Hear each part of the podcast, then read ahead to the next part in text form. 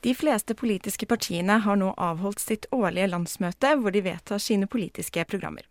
Valget den kommende høsten gjør disse landsmøtene enda viktigere.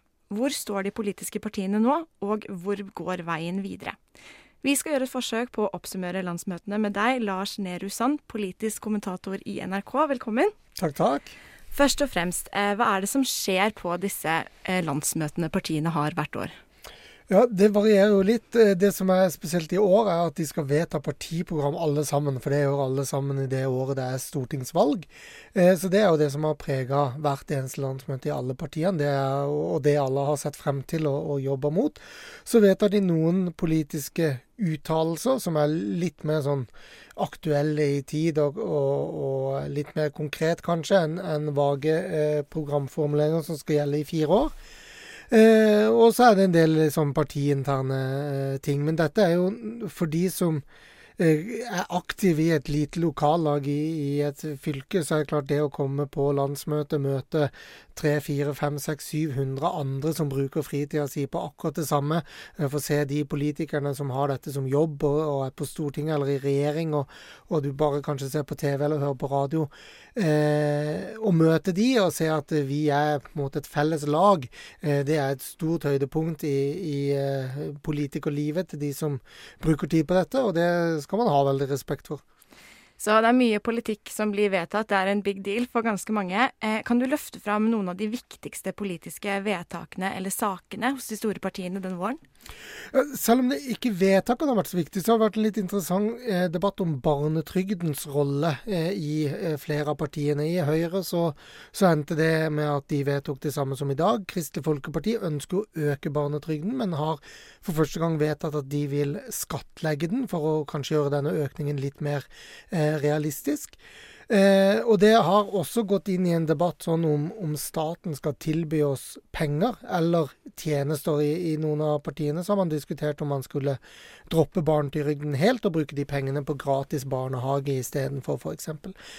Så har alle partiene vedtatt nærmest i tur og orden eh, å øke forsvarsbudsjettet med opp mot, eller eh, litt sånn ulik gradering av hvordan, men opp mot av dette 2 %-målet som Norge for så vidt allerede har forpliktet seg til eh, i, eh, i Nato. Eh, så det har vært en sak på flere møter. Og så har jo eh, miljøpolitikken vært sentralt, spesielt hos Arbeiderpartiet, med, med dette Lofoten-vedtaket. Eh, I Høyre var det en stor diskusjon om eggdonasjon, som egentlig endte med at man ville vente et år med å, å konkludere endelig.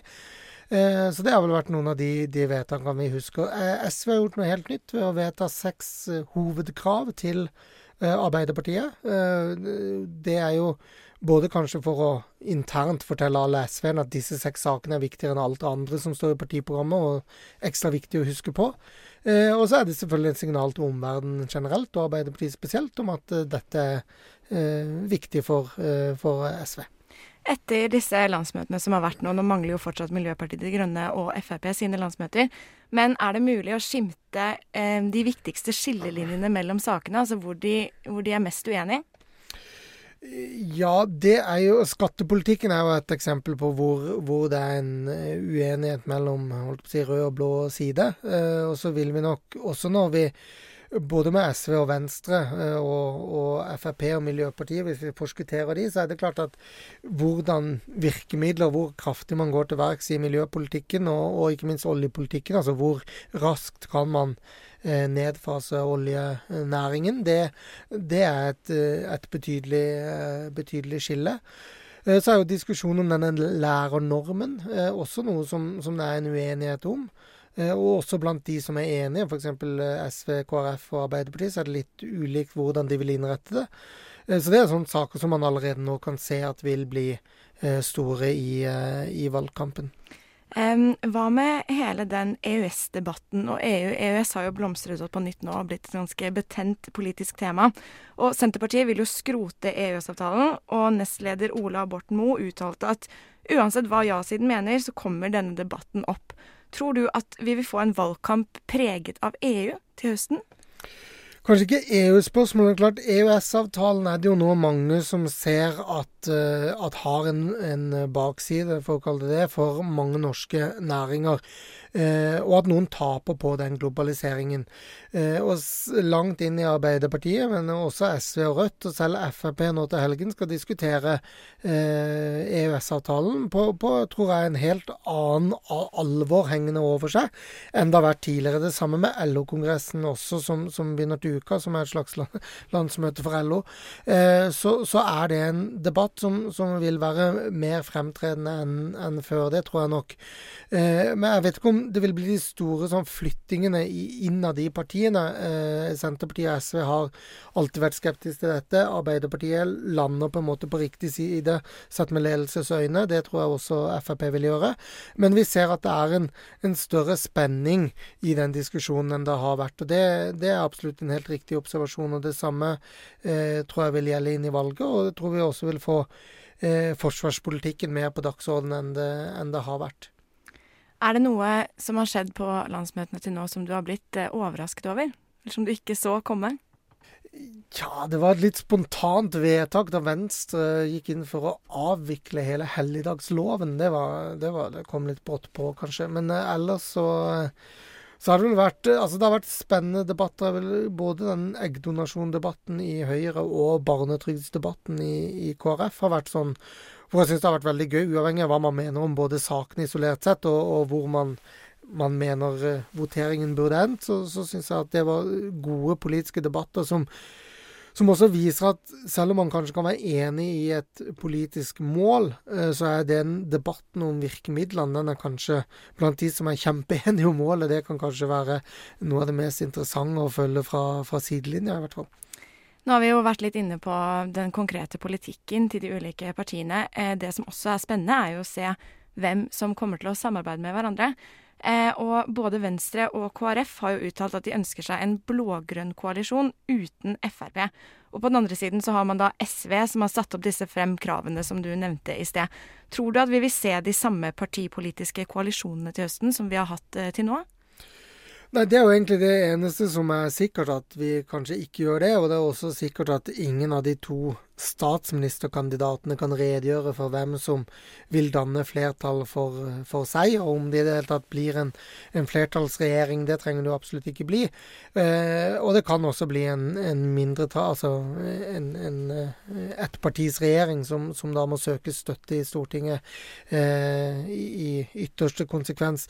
Eh, men det vi jo ser, er at det er to eh, partier som samarbeider med dagens regjering, som vil at dagens regjering skal gå av. Og det er klart det skaper en helt uh, annen dynamikk i, i, inn i en valgkamp. Uh, og det er også uh, selvfølgelig litt nøytralisert da, ved at selv om det er såkalt kaos på borgerlig side, så er det ikke helt avklart på rød-grønn side heller. Så da nulles det litt ut sånn i, i kanskje hva som ville være farlig inn, inn i en valgkamp. Men det, det er klart at det er mer uoversiktlig enn vi har vært vant til, ved at ingen av statsministerkandidatene kan garantere et lag.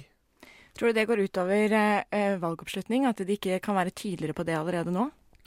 Skje, begge deler kan på en måte skje. Noen velgere vil si at da er det ekstra viktig å gå og stemme på, på mitt parti. Men det er klart for noen så kan det være sånn at, at det er vanskelig å orientere seg, og at det, det senker valgoppslutninga. Men jeg tror nok man, man får en følelse med den valgkampen som vil være nå, at noe står på spill. Eh, og, og eh, at statsministerduellen eller eh, andre ting vil, vil gjøre at det forhåpentligvis øker valgoppslutningen i den grad det er et mål i seg selv. Det jo det, Ja, det, det kan det godt skje, selv om, selv om, det er uoversiktlig. Men det er klart det er jeg skjønner at det for mange velgere kan være vanskelig å orientere seg, og at det også kan, kan bidra til at uh, folk vil sitte hjemme eller ha problemer med å ta et, ta et valg. Men du skal jo uansett bare stemme på, på ett parti, uh, og, og, det er på en måte like lett og like vanskelig som det har vært før. Men det er klart for KrF-velgerne så er det selvfølgelig et tillitsmoment at man ikke vet hvilken statsministerkandidat man da kan ende opp med,